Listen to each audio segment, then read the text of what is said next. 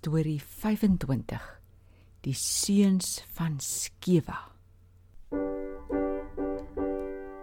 Dis storie tyd, kom luister gou, 'n Bybelstorie net vir jou.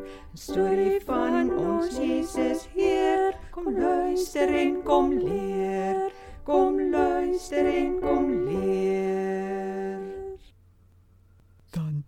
Jong leerde ons te deeg ons in us ons. Hallo Daddy, hallo Ngots. Laas keer se liedjie drong nog steeds in my kop. Hallo julle almal. Ja, daai woorde wys vir ons iets van hoe groot ons God is. Danny, dat beteken dit as ons sê God is groot, is hy 'n reus? Nee, nie eintlik soos 'n reus nie. As ons sê God is groot, beteken dit hy is oral en weet alles en is belangrik en het al die krag in die wêreld. Danny, is daar nie 'n storie dat vir ons vertel hoe God presies is nie? Nee, een storie kan nie vertel hoe groot God is nie. Ons het klomp stories nodig en moet dit almal bymekaar sit en dan sal ons dalk ietsie verstaan van God se grootheid. Maar ek wil tog vir julle 'n interessante storie vertel wat gebeur het in die stad Efese op Paulus se derde sendingreis. Die storie gaan eintlik oor duiwels, maar dit gaan ons iets wys van God se grootheid. Dit klink snaaks. Maar laat ons hoor. Die storie begin met wonderlike dinge wat God deur Paulus gedoen het. God kon dit deur hom doen omdat hy sy hele lewe vir Jesus gegee het en elke dag vir hom geleef het. Die wonderwerke was dat God doeke of voorskote wat aan Paulus se lyf geraak het, gebruik het. As mense daai doeke en voorskote op mense gesit het, dan het hulle siekte sommer foeps verdwyn. Dat regtig is ons God se krag dan so groot. Ja, maar meer nog. As mense die doeke of voorskote op mense gesit het wat bose geeste in hulle gehad het, dan het die bose geeste besef hulle moet nou sommer vinnig pad gee uit hierdie mense uit. Sjoe. Ek is eintlik dikkie skrikkerig as dat die draad van dose geeste dan hulle is nou sterk en kan lelike goed doen. Maar hier das doeke en voorskote selfs so vol van God se krag dat die ou dose geeste vinnig moes weghol. O, lekker lekker. Ons God is so groot, so sterk en so magtig. Jy is reg as jy sê dat bose geeste sterk is, want hulle kry hulle krag van die Satan self en ons moet onthou dat hy sterker is as ons. Maar God is sterker as hy. Ja, verseker. Verseker. Kom ek vertel julle die volgende deel van die storie.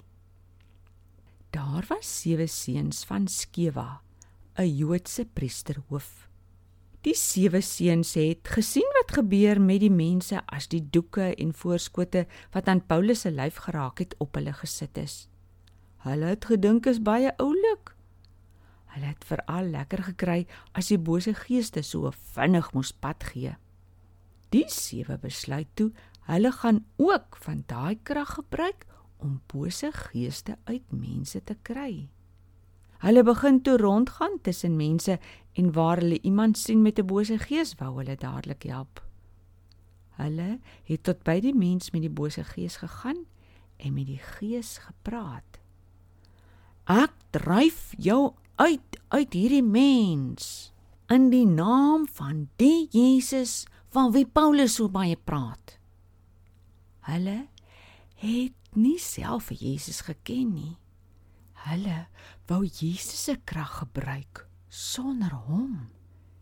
En die bose geeste het dit geweet. Dit was 'n gevaarlike ding om te doen. Sjoe, Danny, gebeur daartoe iets? Ja, daar het. Eendag is hulle by iemand se huis met 'n bose gees.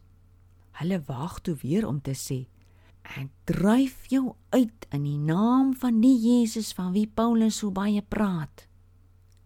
Die volgende oomblik skrik hulle hulle koud.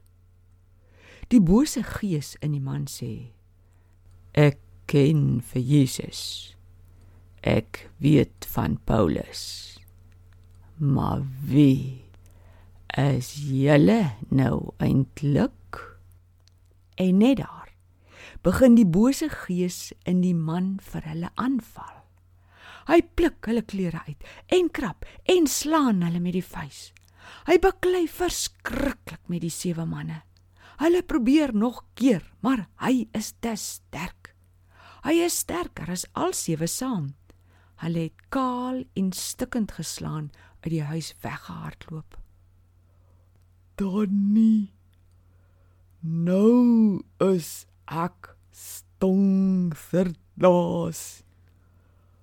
Dat het die mense gedink.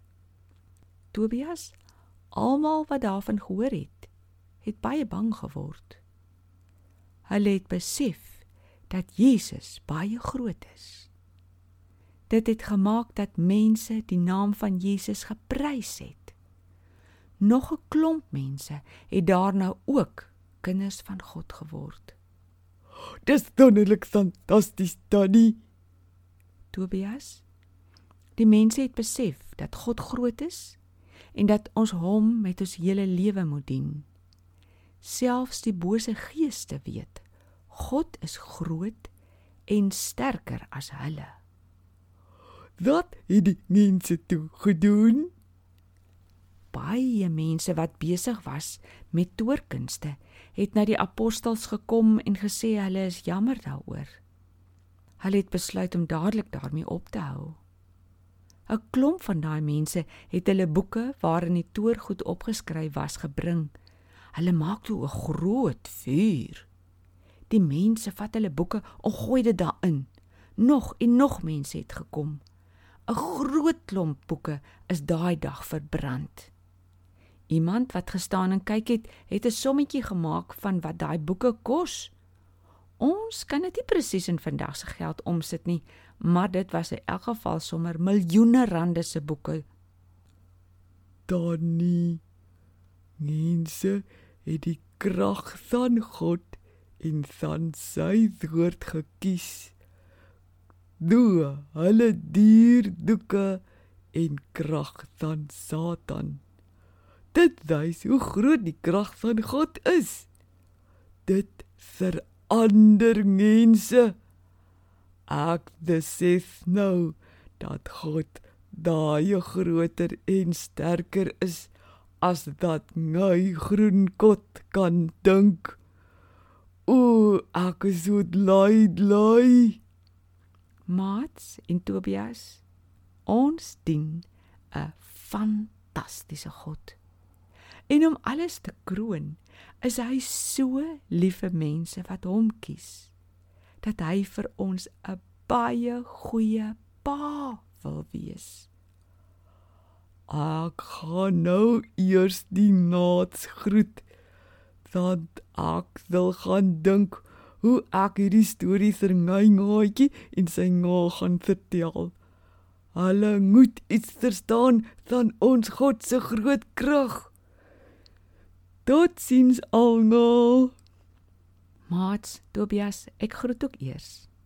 Ons almal kan bietjie gaan stil sit en net probeer dink hoe groot ons God is. ons kan dan vir hom sing en sommer op en af spring, want ons is so bly dat ons so 'n wonderlike Vader het. Totsiens almal.